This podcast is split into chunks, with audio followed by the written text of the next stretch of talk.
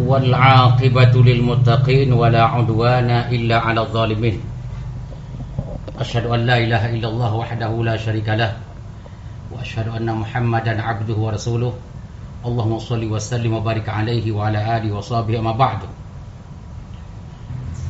Salam dari kita Salam menjelang berbuka puasa Assalamualaikum warahmatullahi wabarakatuh.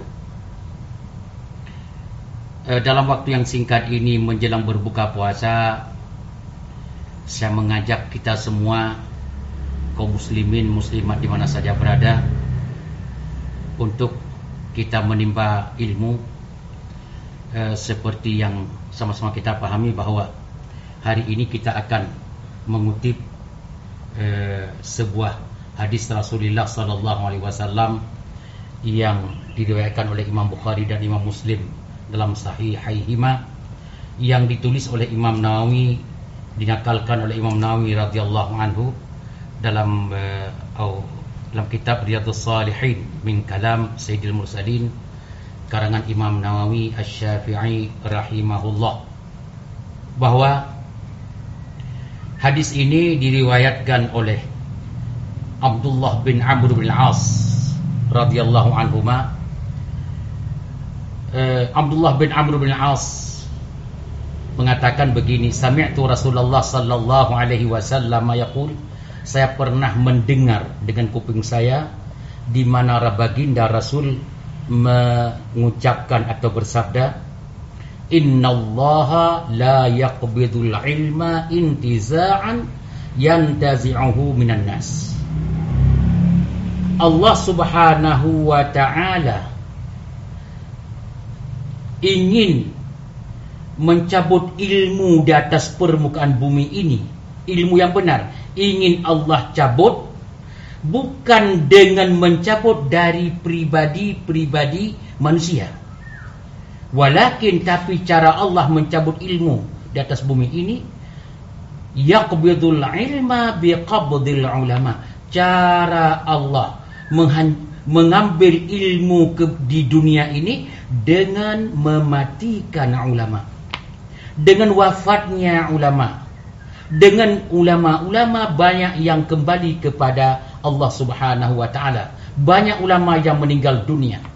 Kalau ulama-ulama yang pengampu ilmu agama yang benar sudah tidak ada lagi di atas permukaan bumi, apa yang terjadi? Hatta idza lam yubqi aliman tidak ada lagi seorang alim di atas permukaan bumi. Apa yang terjadi? Ittakhadhan nasu ru'usan juhalan. Akhirnya yang sisa yang tinggal itu adalah orang-orang yang banyak penyakit dalam jiwanya. Orang yang tinggal itu orang bodoh-bodoh, tidak ada lagi ulama. Ulama sudah banyak meninggal dunia, ulama sudah wafat. Yang tinggal orang-orang yang tidak bisa kita percaya. Akhirnya sedangkan masyarakat butuh kepada fatwa ulama, butuh kepada wujangan ulama, butuh kepada bimbingan ulama, butuh kepada uh, apa, uh, ulama yang mengajarnya. Akhirnya tidak ada lagi ulama sudah wafat, tinggal adalah tokoh-tokoh pembohong, tokoh-tokoh pendusta, tokoh-tokoh adalah cecak berlagak buaya tikus berlagak singa. Fasuilu masyarakat haus kepada pertanyaan-pertanyaan. Akhirnya mereka mendekati ulama-ulama yang cecak berlagak buaya, tikus berlagak singa. Fasuilu minta fatwa kepada mereka. Akhirnya fa'aftau bi ghairi ilmin. Mereka berfatwa tanpa ada ilmu sedikit pun yang dia miliki. Ke, apa ke, akhirnya fadallu. Mereka sendiri sesat cecak tadi yang berlagak buaya, tikus yang berlagak singa tadi, pakai sorban, pakai baju ulama, seolah-olah berlagak ulama, akhirnya padahal dia ada juhala, orang bodoh, orang tidak paham agama, akhirnya fadallu mereka sesat, wa adallu orang lain pun ikut disesatkan oleh dia. Ini hadis riwayat Imam Bukhari dan Imam Muslim yang disebutkan oleh Imam Nawawi di dalam kitabnya Riyadhus Shalihin min kalami Sayyidil Mursalin. Kesimpulan apa? Berhati-hati. Kalau ulama sudah banyak yang meninggal dunia. Berhati-hati kalau ulama sudah banyak yang wafat. Berhati-hati kalau ulama dadakan bermunculan. Biasanya ulama dadakan bermunculan saat ada ada momentum. Di saat pilkada banyak ulama bermunculan.